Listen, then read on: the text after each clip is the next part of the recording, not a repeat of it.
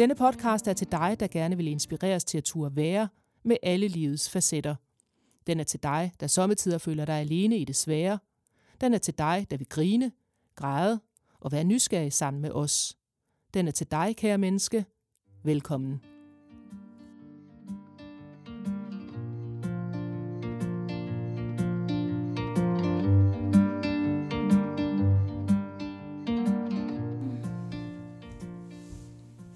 Shit, jeg skulle også have været nede og hente øh, rensetøj. Det må også blive i morgen. Det bliver i morgen. Apropos roller. ja, præcis. Det var der noget af et glas der. Vi er ved at være klar. Mm. Hej Mette. Hej Mi. Og Vi- velkommen til, Tak. Og kære mennesker. det blev den fedeste intro. Vi beholder den, fordi vi klumsede. Og så tænker jeg faktisk, at i dag har vi talt om, at vi skal tale om roller, og hvor bøvlet og klumset det kan være nogle gange. Så måske det er den perfekte intro til lige nøjagtigt det der med at være i forskellige roller. Det tror jeg også. Så velkommen til, kære mennesker. Lad os dykke ned i, hvad sådan nogle roller kan gøre ved os. Og hvad er roller i det hele taget? Og er det noget, vi selv pålægger os, eller hvad? Der er jo tusind spørgsmål, der dukker op, når vi skal tale om roller. Præcis. Mm. Hvad tænker du? Altså jeg tænker virkelig også det der med, der er jo tusind spørgsmål, og så blev jeg vildt nysgerrig, da du lige sagde det der med, er det nogen, vi selv pålægger os? Mm. Ikke?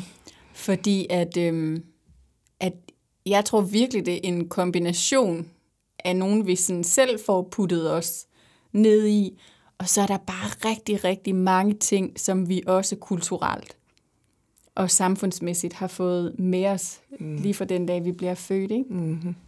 Altså, der er jo både kønsrollen, mm. som jo heldigvis er i, i total sådan Opløsning. opløsning lige nu. Det synes jeg er en fest og virkelig, virkelig vidunderligt at følge med i. Jeg er så glad for, at hele den der bevægelse er i gang. Mm. Fordi at, at det er i hvert fald et sted, hvor jeg virkelig er blevet nysgerrig. Også på sådan, gud kan vide, hvad der egentlig ligger i den der rolle som, mm. som kvinde. Og hvor meget af det øhm, er egentlig noget, jeg sådan selv er enig i, eller har lyst til at, at være i, og hvor meget af det er noget, jeg bare har fået påduttet mig, fordi det nok er sådan, det bare er, eller altid har været. Ikke? Mm. Så jeg er selv blevet vildt nysgerrig på, på det kvindelige og feminine, efter at, at der er kommet så meget op de sidste par år. Det synes jeg er vildt spændende. Mm. Ja, det er en type af roller i hvert fald. Ja, Ja. Og så er der et helt hav af roller, vi træder ind og ud af i løbet af en dag.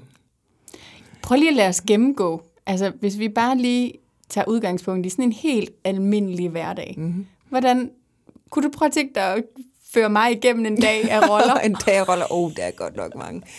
Jamen, man vågner jo op som... Øh, det i mit tilfælde i hvert fald, der vågner jo op ved siden af min mand, så der er man jo i en øh, parrelation, eller en parrolle, kæresterolle, ikke? jo.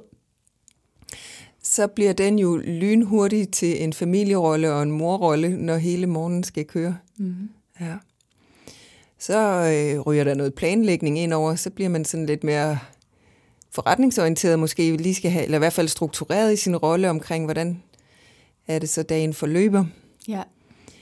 Øhm, og så kan det jo være forskelligt i, så, så er det jo forskellige roller, man træder ind i, afhængig af, hvad man beskæftiger sig med i løbet af en dag. Jeg har flere forskellige roller i dag faktisk, Ja. hvor jeg øh, blandt andet har været hen og undervist ved fyserne, som jeg også arbejder ved. Øhm, og jeg har lavet behandlinger her i huset, så det er to forskellige professionelle roller, Mm. jeg har været igennem der. Og midt imellem de to stationer i dag, så har jeg faktisk øh, været igennem en rolle, som jeg ikke helt ved, hvad for et navn jeg skal give. Jeg har øh, skulle skrive et nyhedsbrev, og normalt så flyder det af min hånd. Og jeg har i, i noget tid ikke kunne få skrevet. I hvert fald ikke noget, jeg synes var rigtigt. Nej. Og så havde jeg lige et kort intermezzo på en, var det godt og vel en halv time eller sådan noget. Det var ikke forberedt, men det blev til et pitstop på lavkagehuset. Hvad den rolle så Nå, det var dernede, du, du sendte et billede på Instagram i din story. Ja, i dag. ja. Jeg havde Ah. simpelthen et pitstop, som øh, indebar en kop kaffe og en faste lavnsbolle. Præcis. Og så flød ordene fra min hånd. jeg har faktisk en veninde, der skrev Kaffe til mig. faste lavnsboller, Ja. det løser alt. Simpelthen alt. Jeg har en veninde, der skrev til mig, det er hermed videnskabeligt bevis, eller det er nu videnskabeligt bevist, at faste lavnsboller virker på alt. Ja. ja. Så der havde jeg jo sådan en... Øhm, der havde jeg jo mere sådan en kommunikationsrolle i virkeligheden, som jeg skulle få til at flyde, og som jeg så piftede op Mm. med en lidt mere afslappet rolle i virkeligheden, ved at tage det her break Ja, henne på lavkagehuset. Ja. ja. Mm. Og så- Vildt spændende. ja, det var lidt sjovt, ikke? Mm. Og så nu her, da du kom, så er det jo en anden, et andet métier, kan man sige, en, en anden del af det at være professionel, vi er trådt ind i her ind i radiostudiet. Mm. Mm. Så det er jo en, en helt anden rolle også, fordi normalt så, typisk når jeg underviser eller behandler, så er jeg jo inde og aflæse kroppe, og det er jo der, jeg har min force. Øhm, og her der sidder vi og taler øh, og, og det er jo noget helt andet, kan man sige. Eller i hvert fald en anden måde at angribe menneskelivet på. Så der har jo været nogle roller. Og så kan der jo være roller i forhold til at have en øh, veninde i røret eller på telefonen, som jeg jo også havde der, ikke? Og så bliver det en tøhø, øh, hyggelig veninde-relation. Mm. Og så kan der være, øh, ja, så ryger vi jo på et eller andet tidspunkt i eftermiddag, ryger jeg hjem igen. Og, og ryger mere ind i familierollen en gang til. Ja. Og formentlig også den strukturerede rolle, hvor vi lige sådan, hvad, hvad står den på i aften for forskellige folk, og hvordan ser dagen ud i morgen, og hvornår mødes vi hjemme igen, ikke? Og så kan der jo være en opringning øh, til ja, enten min far, eller min bror, eller min svigerinde, eller hvem det er. Så er det, så er det en anden familierelation, Mm. kan man sige. Så der er ret mange roller, og formentlig er der nogen, jeg har glemt. Mm. Og bare på en dag, Ja, det er jo faktisk, og man, hvis man lige stopper op og tænker over det, ikke? ja, ret crazy, hvor meget der skal jongleres på sådan en dag. Ikke? ja. Ja, det er temmelig meget.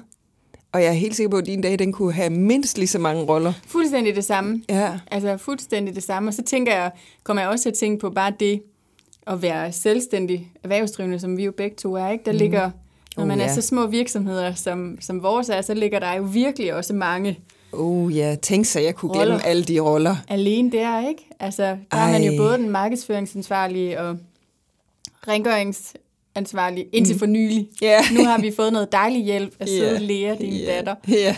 Ja. Og øh, Vi er økonomiansvarlige. økonomiansvarlig. Ja, vi er strategerne. ja. Ja. Og der er mange, og så er der også hele de der praktiske ting. Vi er IT-ansvarlige. ja. Der er virkelig, virkelig, virkelig mange. Man har jo hele viften af roller, når man er selvstændig. Ja. Det er helt vildt. Ja.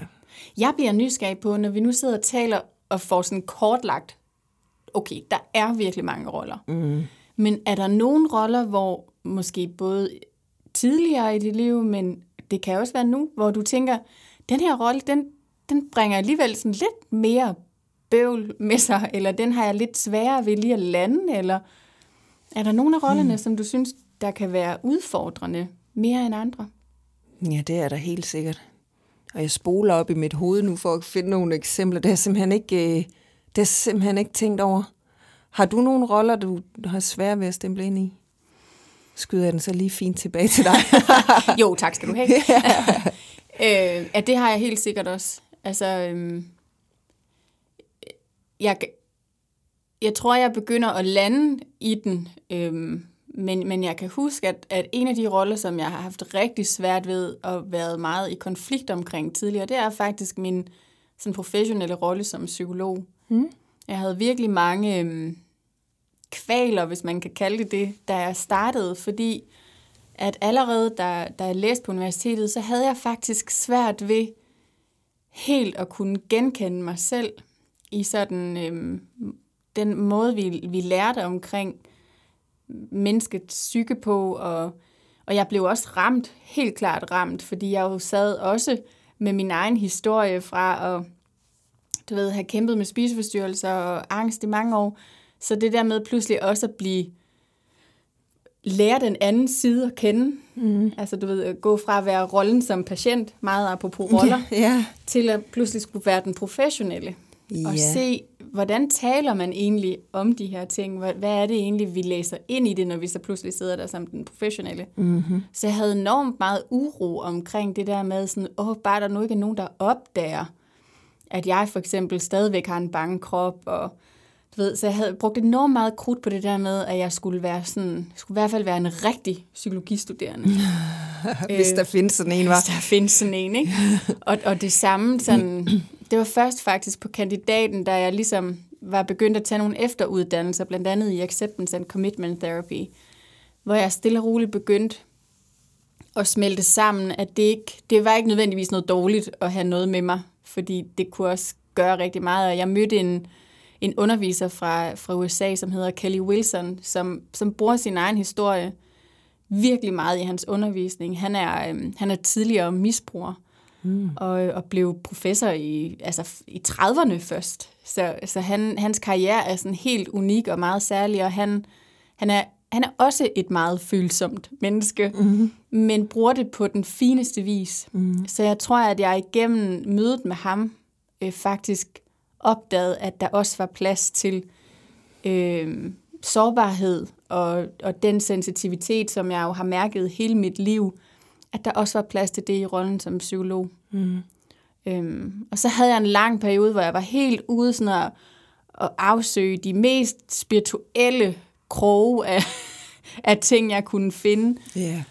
Og så er det som om, at nu har jeg sådan fået landet et eller andet sted midt imellem det her enormt videnskabelige, som, som hele psykologfaget jo også er. Mm. Det her med virkelig at læne sig op af forskningen, som, som er noget meget konkret. Ikke? Mm. Øhm, og så stadigvæk krydret med, med elementer fra det spirituelle, som jeg synes er fuldstændig vidunderligt. Mm-hmm. Men det har klart været en svær rolle. Mm. Og så er der også det element i den rolle, som hedder, øh, som jeg stadigvæk kan blive fanget i, det er det der med, oh, må jeg godt have det svært i perioder, selvom jeg er psykolog, ikke? Nå, ja. Ja. Ja. Og ja, det må du godt. Ja, det må jeg godt. Vi kan meget bedre lide dig sådan. Det kommer også helt af sig selv. ja. Det er, det er jo faktisk, apropos roller, det er jo enormt svært at være i stue med nogen, der bare er fuldstændig flawless. Altså, hvor alt bare kører, ikke? Wow. Oh, ja. der er, altså det, jeg, et eller andet sted tror jeg heller ikke, at selvom folk gerne vil udtrykke det, så er det nok i virkeligheden ikke sådan vel. Nej, Der er nok små krakker i lakken. Præcis. Ja. Er du kommet i tanke om... Om råd, ja, men jeg sidder jo, der kom jo mange ting, der poppede op faktisk, da du gav dine eksempler der. Jeg tror, det eksempel, jeg har givet før, som minder meget om dit, det var det her med, at jeg jo underviser i at behandle krop, mm. og på et tidspunkt fik en prolaps ned i min lænd, hvor jeg tænkte, man, altså, en yogainstruktør for eksempel, hvis det var den rolle, jeg havde en aften, kan jeg jo ikke stå der og have ondt i ryggen.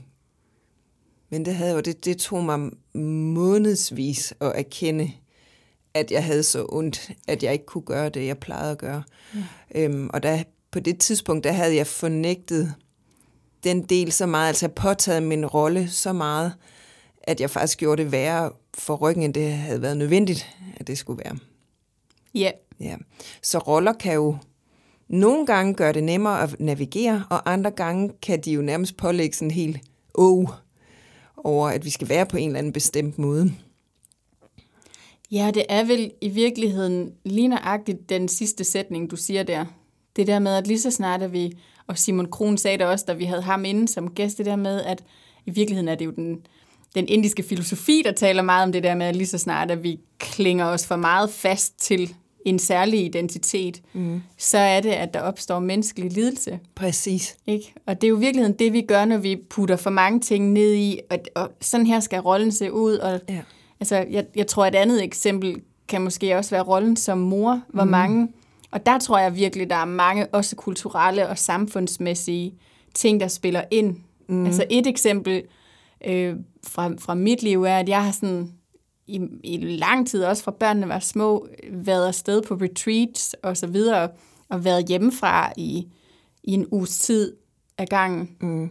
Og mange gange blevet spurgt om, jamen, hvordan klarer de det derhjemme, og mm. hvad med dine børn? Og, og jeg vil våge den påstand, jeg tror ikke, at min mand nogensinde har fået samme spørgsmål, hvis han har været væk. Nej, det har han simpelthen nok ikke. og det er jo en interessant ting, ikke? Fordi Ja. det er jo, og der har jeg jo været spejlet i nogle gange sådan, øh, øh, øh, er det så ikke okay, at jeg, er det egoistisk, Ja. at jeg tager afsted for eksempel. Mm. Men samtidig har jeg jo bare kunnet kigge derhjemme og se, okay, de har faktisk haft nogle virkelig, virkelig skønne timer, og måske også noget, noget, et andet samspil, end der ville have været, hvis jeg havde været hjemme altid. Mm-hmm. Ikke? Så det der med at, at opdage og stå ved, når, hvad for en slags mor vil jeg gerne være, og hvordan bliver jeg i virkeligheden også den bedste udgave af mig selv. Og, mm. og for mig, jeg kunne altid mærke, at jeg havde meget overskud, når jeg kom hjem fra de der ture. Ja. Så det var sådan en kæmpe boost. ja, det er jo det, det kan, når man er på retreat. Ja. Ja. Jeg tror, det var godt for alle, at jeg gjorde det. Men det, men det var en interessant ting, det der med at Ja. blive mødt så meget med, med den der, på en eller anden måde jo en slags fordømmelse. Ikke? Ja. Ja. Det bliver det jo hurtigt. Også fordi vi måske nogle gange tolker roller forskelligt. Mm-hmm. Den der morrolle der lyder jo som om, at den blev tolket meget som, at så tager man i hvert fald ikke væk. Ja. Ja. Og så er det jo også forskelligt, hvordan man har det i den. Nogen har brug for at være væk, Mm. øh, for at kunne hente noget energi på en anden måde, og blive inspireret på en anden måde. Andre har måske slet ikke behovet Mm-mm. for at komme væk. Så det er også, igen, det er jo det der med ikke at blive fastlåst i, at noget er rigtigt eller forkert, mm. men mere det der med at lade dig, lade dig være det, der er, Mm. uden at gøre det rigtigt eller forkert. Ikke? Ja. Ja. Ja, så lige før vi er over i de grænser, vi snakkede om i sidste afsnit. Ja. Og få lyttet til dem, Mm. og de er med til at definere. Ja. Det er noget af det, hvor jeg synes, at roller kan blive øhm, øh, en, ikke nødvendigvis en hemsko, men i hvert fald udfordrende. Det er der, hvor man øh, altså hvor det er to verdener, der overlapper, hvor man har en forskellig rolle i de to verdener. Så, så den rolle, man spiller i den ene verden, kommer til at virke forkert, når man indtræder i den anden verden. Og hvad så, når de to verdener mødes? Mm. Hvem er jeg så? Er den ene eller den anden rolle, øh, rolle eller skal jeg opfinde en ny? Kan du prøve at komme med et eksempel? Hvis man nu er i selvdefinerede roller. Hmm. Ja. Øh, jamen, det kan egentlig både være i venskabsrelationer, det kan også være professionelt, egentlig. At jeg kan se sådan nogle øh, clash, hvis man kan sige det sådan. Øhm, for eksempel, øh, vi kan tage sådan en ting som åndedrætsterapien, som er min métier. Mm. øhm, som jeg jo synes, der er en enorm styrke i at arbejde med. Men øh, i, i, i nogle relationer er åndedrætsterapi jo virkelig mystisk I mange relationer er Ja. åndedrætsterapi virkelig mystisk. og langt ude. Ja. Og når jeg føler, at jeg skal til at forklare det, så kan jeg godt blive usikker i min rolle. Så handler det måske lidt om, ja, om usikkerhed i virkeligheden. Men så kan jeg godt blive sådan lidt, ej, gud, jamen, er det også helt skørt? Er det virkelig galt Mathias, det jeg er ude i? Og det ved jeg jo godt, det ikke er, hvis jeg sådan stiller det op helt fysiologisk. Men det kan godt være svært at lade de to verdener mødes nogle gange. Ja. Som er lidt eller det, du siger med din psykologverden og den spirituelle verden. Sådan kan jeg også nogle gange have det med den professionelle verden, jeg kom fra, som også var meget businessorienteret. Inden jeg ligesom, jeg har lyst til at sige, smed håndklædet i ringen, og jeg kendte, at jeg har arbejdet med krop altid. Og det, det er den vej, jeg ønsker at gå. De to verdener kan, kan jeg godt have svært ved at smelte sammen nogle gange. Eller en rolle i en, i en forretningsverden, for eksempel, hvor jeg synes, jeg skal stå og være altvidende.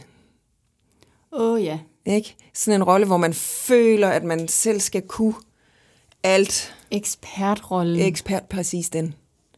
Wow, den kan jo få benene til at ryste under en, hvis der bare er en my af tvivl eller usikkerhed et eller andet sted. Ikke? Ja. Mm.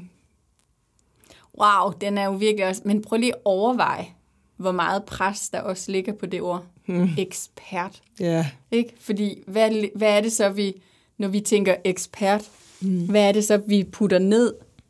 Os, os selv, ikke? Hvad mm. er det så, vi lige lægger ned over det af krav? Fordi hvis vi skal have, hvis vi bare tager åndedrætsterapien som eksempel, mm. hvis vi skal kunne vide alt om åndedrættet, Mm. for så at, at få lov til at beskæftige os med det, eller kalde os eksperter på området. Ikke? Ja, Wow. ja. Der er flere tusind års praksiser, Ja, vi kan søren. dykke ned i, Ja. og filosofier Ja. og tilgang, ikke? Jo. Ja, det er sikkert uudtømmeligt. Fuldstændig. Ja. Ja, men det, er- det, er, det er et mega godt eksempel, for det opstår jo alle steder. Ja, ekspertrollen. Tænk sig, hvad... Det, det, jeg føler sådan lidt, jamen, så er man alvidende. Ja. Eller jeg skal være alvidende inden for det område, så i hvert fald. Ja. Og det synes jeg er svært. Faktisk lige præcis med, med eller ikke præcis med åndedræt, det kan være alt muligt andet, man lærer. Men det der med, at jo mere man lærer, jo større uvidenhed dukker der op, føler jeg i hvert fald. Ikke? Man tænker, jeg er helt med dig. ja, wow, hvor er det, det er jo kæmpe univers, når man, jo mere man dykker ned, jo mere åbner det sig og breder sig ud. Ikke? Jo. Ja. Men, men i virkeligheden kan man sige, det er vel også, når, hvis vi lige sådan hopper et skridt tilbage, og lige hopper ud af den der selvkritiske, sådan lidt hårde mm. tone, vi kan have inde i, ikke? ja. så er det jo i virkeligheden også det, der driver os til at have en nysgerrighed på et felt og et område. Mm. Den der evige søgen og evige forståelse af måske også, at der er så mange ting, vi ikke ved. Mm. Ikke? At, altså i virkeligheden, jeg kommer til at tænke på, når vi får et nyt menneske ind ad døren, mm. både du og jeg, når vi sidder og arbejder individuelt, ikke? Mm. det der med, altså det sidste, jeg kunne have lyst til, hvis jeg trådte ind til en, det var da, at de bare tænkte, om jeg ved alt Ja. på forhånd, ikke? Jo. Fordi så, så bliver der, der bliver sådan lukken ned og lukken sammen, hvor at hvis vi kan gå på opdagelse med nysgerrighed, mm. velvidende, at hvis der kommer en ind til mig med angst for eksempel, så kan det da godt være, at jeg har læst noget om angst. Jeg har erfaret ret meget angst mm. på min egen krop, men jeg aner jo ikke en dyt om, hvordan at angst erfares lige præcis i det her menneske. Nej, Vel? nej. Så det der med at være hele tiden åben for, at der kan være noget, vi ikke har set, eller mm. noget, der er helt anderledes end det, vi tror, vi ved. Mm, vær nysgerrig sammen. Ja, det mm. åbner, Ja. frem for at lukke ned og Ja. lukke af. Ikke? Jo. Men det er ikke ens betydende med, at vi ikke kan falde i fælden, der hedder, jeg burde vide alt. Mm, nej. Den synes jeg, lige, lige arbejdsmæssigt, synes jeg, øh, ja, den, den kan jeg godt være i. Men hold da op, hvor er det bare stadigvæk interessant at dykke ned i noget og tænke, gud, er der også den her vinkel på det? Ja. Ja.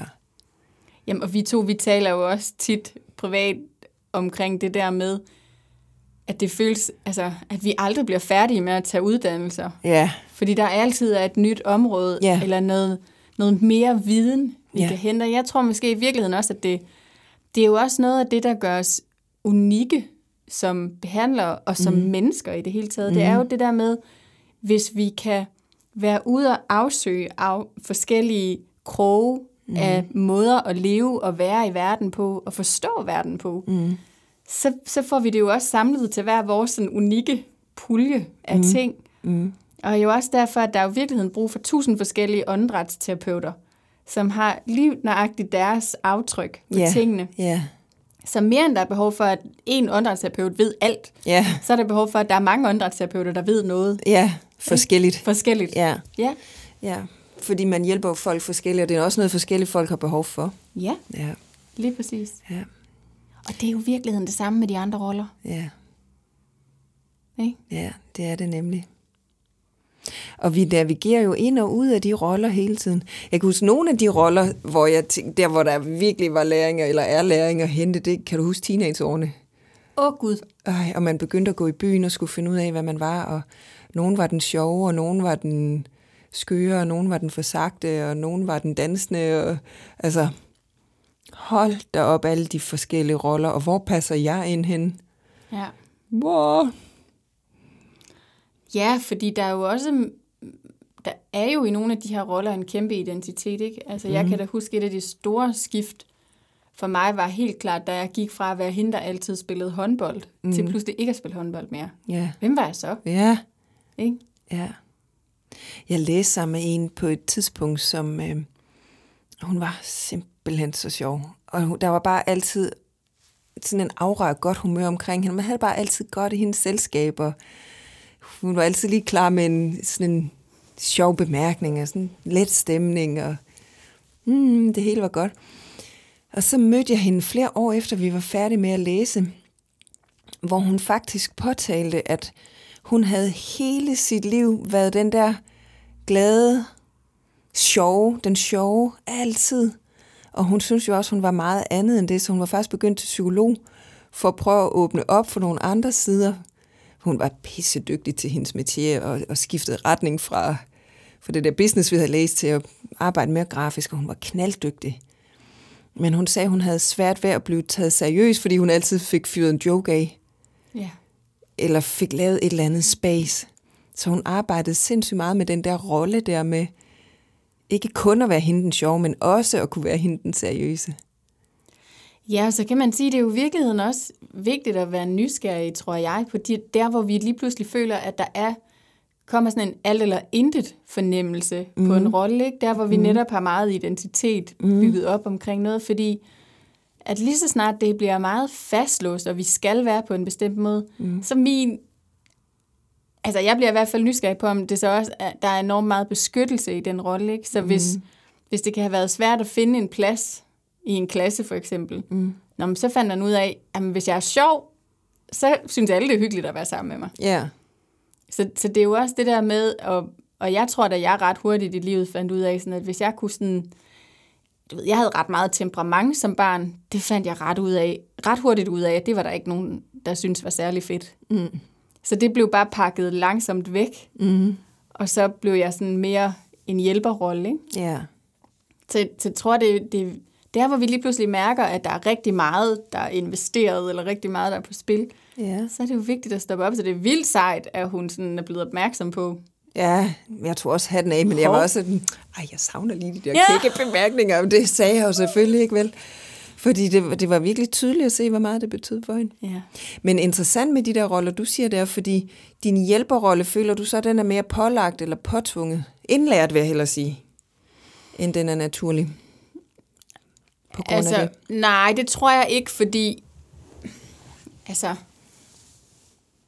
jeg, jeg tror, jeg har, den side har jeg også altid haft i mig. Øhm, og nu da, vi, da jeg læste på universitetet, fik vi også, var vi igennem et hav af personlighedstest og alt muligt andet, hvor jeg også bare altså, scorer på en måde, hvor det passer på alle mulige måder, at jeg arbejder med det, jeg gør, og gør det, jeg gør. Mm. Men jeg tror, at, at der, hvor jeg skal have en opmærksomhed, det er netop, når at der bliver, det bliver for fasttømret med, hvordan jeg skal være i den rolle. Mm. Så hvis der for eksempel ikke lige pludselig er plads til, øh, at jeg selv kan være nogle svære ting igennem, eller der ikke er plads til, at jeg kan få lov til at arbejde fleksibelt og mm, tage nye ting ind og altså være fri i den måde, jeg arbejder på, mm. så tror jeg, der skal være en opmærksomhed. Og det er jo, så det er jo, det er jo, det er jo virkeligheden det der med, er rollen fleksibel, eller er det en spændetrøje? Ikke? Ja, ja, præcis. For det kan den jo være. Den kan jo være en rettesnor eller en guide nogle gange. Så er det jo helt befriende at være i den, ikke? Jo. Ligefrem trygt. Ligefrem trygt. Ja. Og så kan det virkelig være, som du siger, en spændetrøje. Uh, falder ud over kanten her, så bliver det jo utrygt. Ja, mm. lige nøjagtigt. Jeg tror, det var nok i virkeligheden også en af de årsager, der var til, at jeg bare så gerne ville være selvstændig meget hurtigt, da jeg var færdig med at, at læse psykologi, fordi jeg kunne mærke, at jeg havde brug for friheden til at arbejde, som jeg gerne ville, mm. og med dem, jeg gerne ville. Yeah. Så, så, så det hjælper mig rigtig meget. Og jeg er også, altså fungerer også på den måde, at jeg insisterer bare på at prøve noget af, hvis jeg får lyst. Ja. så det er jo, det, jeg, det føles meget frit. Ja. Men jeg er nysgerrig opmærksom på, at der, hvor jeg kan komme en spændetrøje på, det er de der overbevisninger om, hvordan jeg så selv skal være som menneske. Mm. Ja. Hmm. Apropos det med ikke at måtte have ondt i ryggen. Ja, ja. ja, hvor er det skørt. Ja. Ja. Men sådan bliver det hurtigt. Måske endda også inden for familier får vi lynhurtigt en rolle. Så jeg lige og reflekterer, ikke fordi jeg lige kan komme med noget eksempel.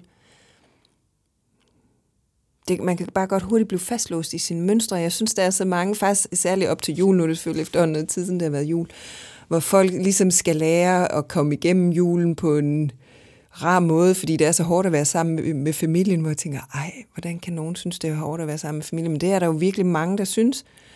Måske på grund af nogle roller, der er trukket ned over hovedet på os, sådan som vi var engang. Mm. Og så er øh, vi er blevet ramt af livet, og det er kørt derud af, at vi har erfaret nogle ting. Og så har vi måske, vi er måske en anden, eller vi spiller i hvert fald en anden rolle. Men Røen et godt eksempel, gamle elevfest. Ja, jeg sad lige og tænkte Ja, den kan jeg bedre relatere til. Ja. Med de roller, vi havde som netop som teenager, og så hvordan det er nu som voksne. Ja. Det, de fleste af os har jo rykket os milevidt, men i sådan en gammel elevfest, så ryger vi jo lynhurtigt tilbage i de gamle roller. Ja. Og det er simpelthen så skægt, fordi jeg har jo jeg, har, jeg er så heldig, at jeg har to af de veninder, som jeg startede i 0. klasse sammen med for ikke så mange år siden. Men det er så skægt, fordi at vi har været så meget sammen i hele vores skoletid, og også som unge mennesker, at den, når vi sætter os sammen, os tre, så, så er der bare, det er sådan fordelt. Og det er, så, det er også meget trygt og rart. at, altså fordi vi har haft en god relation altid, og har det så Ja. godt med hinanden. Ja. Så der er også sådan en, en kommen hjem, sådan en, Ja. ah, godt, det er som det plejer. Ja, det er her er der dejligt. trygt og ret. Åh, ej, den kan jeg virkelig godt følge. Og jeg kan få lov til, også i den relation, kan jeg virkelig få lov til bare at, at være sådan helt fri for at nogle af alle de roller, jeg har fået med mig som voksen. Mm. Fordi der kan jeg bare få lov at være mig, Ja. som jeg var, inden at der kom et lag af roller på. Ikke? Ja. Så det er også en ret sjovt. Det føles lidt som at spole tilbage i tiden, og så, Ja. så bare være der. Ja. Det er fedt. Ja, det er det virkelig. Så jeg tror ikke, man skal være bange for alle de der forskellige roller, man er ind og ud af. Nej. Nej, det tror jeg virkelig heller ikke. Så, så får jeg, ven, kan jeg mærke, at jeg vender lidt tilbage til det der billede med, at jeg tror virkelig, at noget af det, jeg vil prøve at være nysgerrig på i forhold til mine egne roller, det er det der med, hvornår får jeg puttet mig selv i en spændetrøje. Mm. Fordi det er jo som oftest, tror jeg. Jeg, jeg stopper lige op, fordi jeg, jeg prøver lige at mærke efter, hvornår det egentlig er mig selv, der putter mig ind i en eller anden Ja. rolle, hvornår jeg så Nemlig. bliver ramt af, at jeg noget udefra kommende, som synes, jeg skal Mm. være på en bestemt måde. Ikke? Mm. Må ikke det oftest er en, man selv putter på? Jo, og så, så tænker jeg også bare samtidig, at det sker jo enormt ubevidst Ja. ofte. Ikke? Mm-hmm. Vi har no, tidligere har vi også talt om det der med, hvad der sker i os, altså når vi for eksempel sidder og kigger på Instagram. Ikke? Mm. Altså fordi i de der roller kan der jo også lynhurtigt opstå en slags, fordi vores hjerner er jo bare skabt til at sammenligne. Mm. Så den gør det jo i lige så mange forskellige roller, vi træder ind ud af om dagen. Ja. Der sammenligner den også. Ja. Hvordan, hvordan udfører de andre den her rolle? Ja. Og hvordan gør jeg så? Og så laver den en eller anden beregning af, hvordan situationen så lige ser ud. Om man er inde i gruppen eller ude af gruppen. Ja. Og det sker fuldstændig per automatik, så Ja. vi skal være så vågne på det. Ja. Altså virkelig. Ja, det har du ret i. Det er Så- der, alarmklokken bør ringe. Ja, Ja. fordi jeg tror nemlig godt, det kan komme til at føles, som om vi selv lægger os fast i en særlig rolle, men, men jeg tror i virkeligheden, det der samspil mellem det kulturelle, samfundsmæssige og det indre, det kører hele tiden, så, mm. så det vigtige er i virkeligheden at have en opmærksomhed på det. Ja. Ja, det tror jeg også, for vi kan ikke navigere udenom. Vi Nej. bliver bare nødt til at navigere i det. Ja, Ja. det vil ske Ja, det vil det. helt per automatik. Ja. Kan man sige, at roller er med til at definere hierarkier? Absolut. Og jeg tænker, at når vi, når vi kigger sådan evolutionært på det, Mm. så har vi jo haft så meget behov for roller for at kunne overleve som gruppe også. Ikke? Mm. Det har været vigtigt at vide, hvem der var lederen. Ja da. Det har været vigtigt at vide, hvem det var, der måske øh, var god til at organisere. Mm. Altså, jeg tror, at vi som menneske og som art har haft helt enormt meget behov for at vide, hvor passer jeg ind hen her i gruppen, Ja. og hvad er min rolle i gruppen? Ja. Ja, for det samledes bedste. Ja, for det samlede bedste. Ja. Balladen er bare, når vores elgamle hjerner så prøver at omsætte det til nutiden. Ja. Ja, det er så der, vi går lidt galt i byen nogle gange. Det, ja, og, det, og der, det er ikke- heller ikke sikkert, at der var så mange andre, man lige kunne Instagramme på, hvordan den anden leder klarede det Nej. over i den anden del af verden. Nej, nej.